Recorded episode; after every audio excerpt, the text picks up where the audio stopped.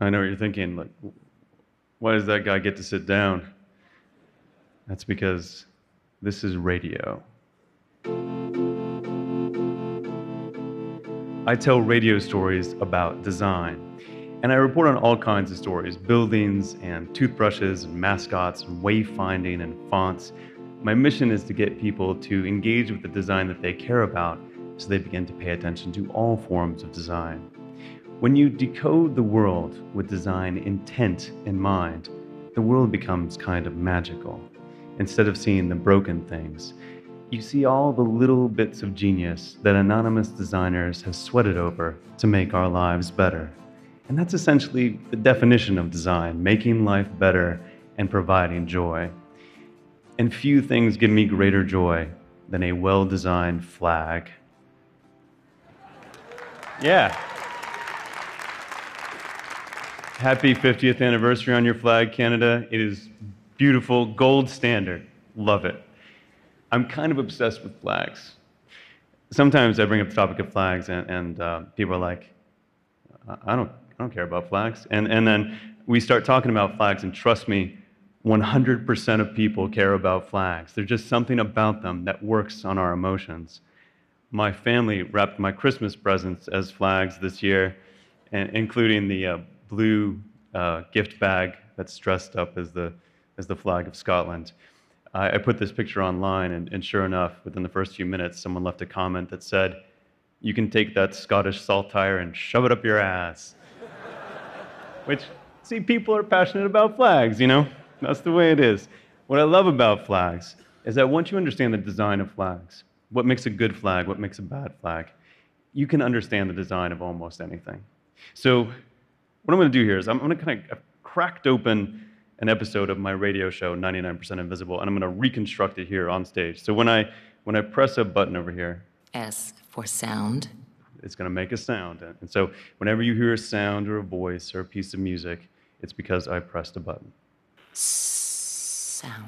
All right. Got it? Here we go. Three, two. This is 99% invisible. I'm Roman Mars.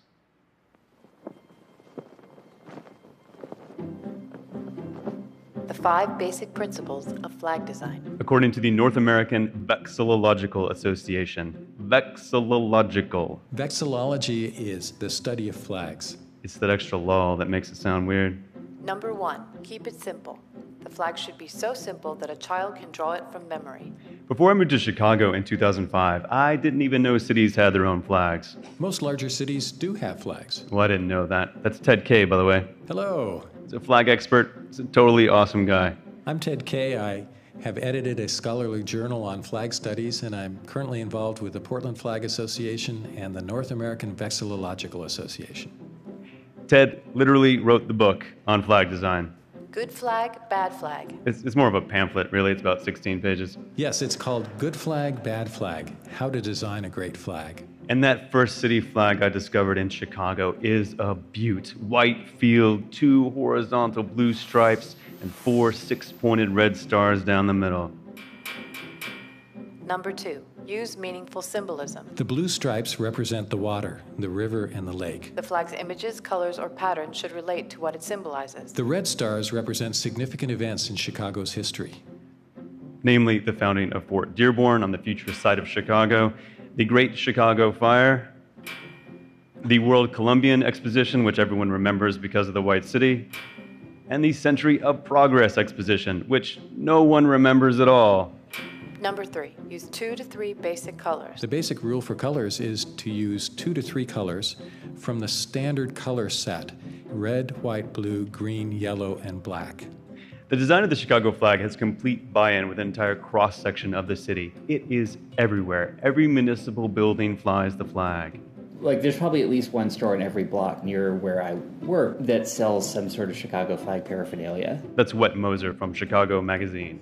Today, just for example, I went to get a haircut And when I sat down in the barber's chair, there was a Chicago flag on the box that the barber has kept all his tools in. And then in the mirror, there was a Chicago flag on the wall behind me. When I left, a guy passed me who had a Chicago flag badge on his backpack.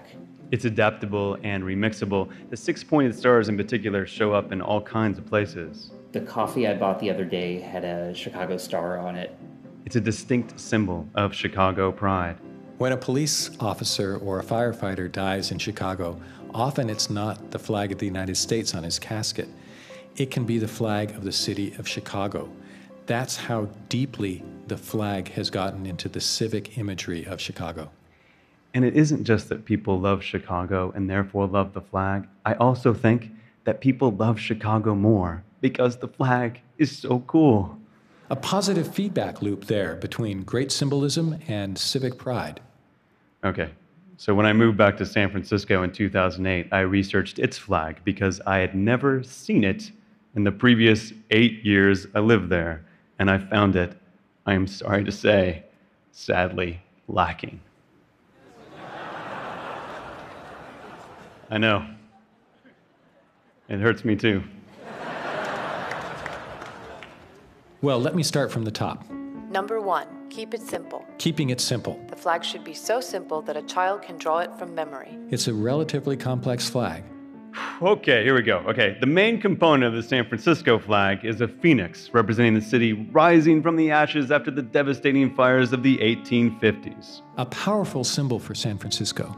I still don't really dig the Phoenix. Design wise, it manages to both be too crude and have too many details at the same time, which, if you were trying for that, you wouldn't be able to do it. and it just looks bad at a distance. But having deep meaning puts that element in the plus column. Behind the Phoenix, the background is mostly white. And then it has a substantial gold border around it. Which is a very attractive design element. I think it's okay. But here come the big no nos of flag design. Number four, no lettering or seals. Never use writing of any kind. Underneath the phoenix, there's a motto on a ribbon that translates to gold in peace, iron in war. Plus, and this is the big problem, it says San Francisco across the bottom. If you need to write the name of what you're representing on your flag, your symbolism has failed. The United States flag doesn't say like USA across the front. In fact, country flags, you know, they tend to behave. So, like, hats off to South Africa and Turkey and Israel and Somalia and Japan and Gambia. There's a bunch of really great country flags, but they obey good design principles because the stakes are high. They're on the international stage. But city, state, and regional flags are another story. There is a scourge of bad flags, and they must be stopped. That is the truth, and that is the dare. The first step is to recognize that we have a problem. A lot of people tend to think that good design is just a matter of taste. And, you know, and quite honestly, sometimes it is, actually. But sometimes it isn't, all right? Here's the full list of NAVA flag design principles. The five basic principles of flag design. Number one, Keep it simple. keep it simple. Number two, Use meaningful symbolism. number three, Use two to three basic colors. number four, No lettering or seals, never use writing of any kind. because you can't read that at a distance. Number five, And be distinctive. All the best flags tend to stick to these principles. And like I've said before, like most country flags are okay. But here's the thing if you showed this list of principles to any designer of almost anything, they would say these principles simplicity, deep meaning, uh, having few colors or being thoughtful about colors, uniqueness, don't have writing you can't read all those principles apply to them too. But sadly, good design principles are rarely invoked in US city flags. Our biggest problem seems to be that fourth one. We just can't stop ourselves from putting our names on our flags or like little municipal seals with tiny writing on them. Here's the thing about municipal seals they were designed to be on pieces of paper where you can read them, not on flags 100 feet away flapping in the breeze. So here's a bunch of flags again. Uh, vexillologists call these SOBs, seals on a bed sheet. And if, if, if you can't tell what city they go to, yeah, that's, that's exactly the problem, except for Anaheim, apparently. They, they fixed it. Uh, uh, these flags are everywhere in the US. The European equivalent of the municipal seal is the, is the city coat of arms. And this is where we can learn a lesson for how to do things right. So, this is the city coat of arms of Amsterdam. Now, if this were a United States city, the flag would probably look like this. You know? Yeah. Uh, but instead, the flag of Amsterdam looks like this. Rather than plopping the whole coat of arms on a solid background and writing Amsterdam below it, they just take the key elements of the escutcheon, the shield, and they turn it into the most badass city flag in the world.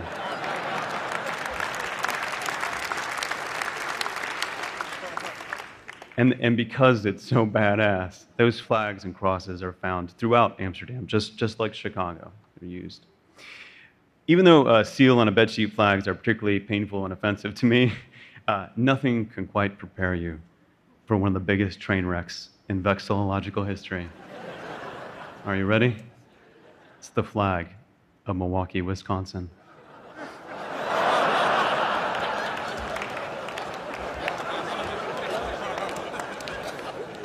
I mean, it's, it's distinctive. Uh, I'll give them that. It was adopted in 1955. Uh, the city ran a contest and gathered a bunch of submissions with all kinds of designs. And an alderman by the name of Fred Steffen cobbled together parts of the submissions to make what is now the Milwaukee flag. It's a kitchen sink flag. There's a gigantic gear representing industry. There's a ship recognizing the port, a giant stalk of wheat paying homage to the brewing industry. It's a hot mess. And Steve Kodis, a graphic designer from Milwaukee, wants to change it. It is, it's, it's really awful. It's a misstep on the city's behalf, to say the least. but what puts the Milwaukee flag over the top, almost to the point of self parody, is on it is a picture of the Civil War battle flag of the Milwaukee Regiment. So that's the final element in it that just makes it that much more sort of ridiculous that there is, you know, a flag design within the On design the of flag. the Yeah. Milwaukee flag. Yeah. Yeah. Now, Milwaukee is a fantastic city. I've been there. I love it. The most depressing part of this flag, though, is that there have been two major redesign contests. The last one was held in 2001. 105 entries were received. But in the end, the members of the Milwaukee Arts Board decided that none of the new entries were worthy of flying over the city. They couldn't agree to change that thing.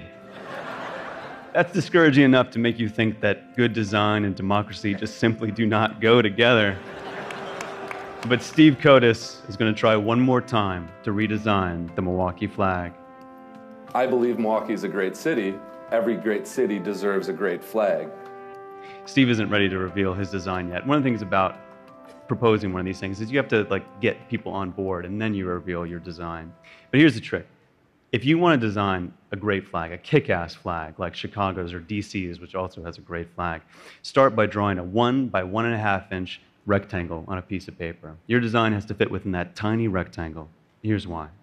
A three by five foot flag on a pole 100 feet away looks about the same size as a one by one and a half inch rectangle seen about 15 inches from your eye.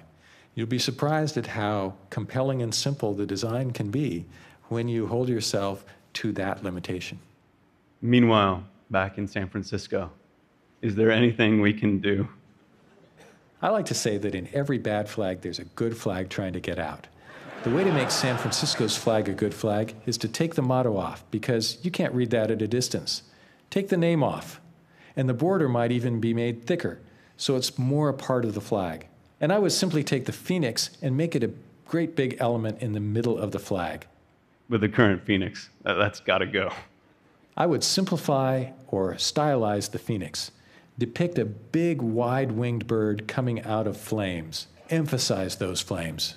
So this San Francisco flag was designed by Frank Chimero based on Ted Kaye's suggestions. I don't know what he would do if he was completely unfettered and, and didn't, didn't follow those guidelines. Fans of my radio show and podcast, they've heard me complain about bad flags. They've sent me other suggested designs. This one's by Neil Musset. Both are so much better. and I think if they were adopted, I would see them around the city in my crusade to make flags of the world more beautiful. Many listeners have taken it upon themselves to redesign their flags and look into the feasibility of getting them officially adopted. If you see your city flag and like it, fly it. Even if it violates a design rule or two, I don't care. But if you don't see your city flag, maybe it doesn't exist, but maybe it does, and it just sucks. And I dare you to join the effort to try to change that. As we move more and more into cities, the city flag will become not just a symbol of that city as a place, but also it could become a symbol of how that city considers design itself. Especially today, as the populace is becoming more design aware. And I think design awareness is at an all time high. A well designed flag could be seen as an indicator of how a city considers all of its design systems its public transit, its parks, its signage. It might seem frivolous, but it's not.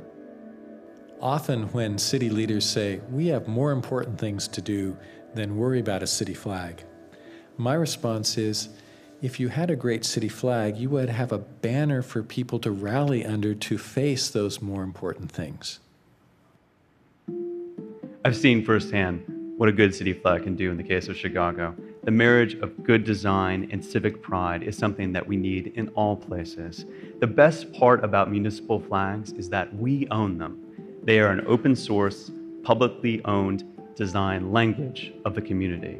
When they are done well, they are remixable, adaptable, and they're powerful. We could control the branding and graphical imagery of our cities with a good flag, but instead, by having bad flags we don't use, we cede that territory to sports teams and chambers of commerce and tourism boards. Sports teams can leave and break our hearts. And besides, some of us, you know, don't really care about sports. And tourism campaigns can just be cheesy. But a great city flag is something that represents a city to its people and its people to the world at large. And when that flag is a beautiful thing, that connection is a beautiful thing. So maybe all the city flags can be as inspiring as Hong Kong or Portland or Trondheim.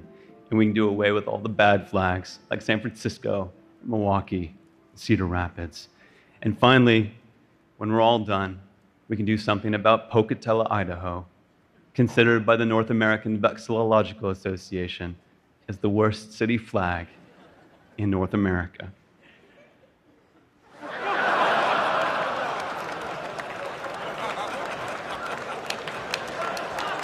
Yeah. That thing has a trademark symbol on it, people. That, that hurts me just to look at. Thank you so much for listening.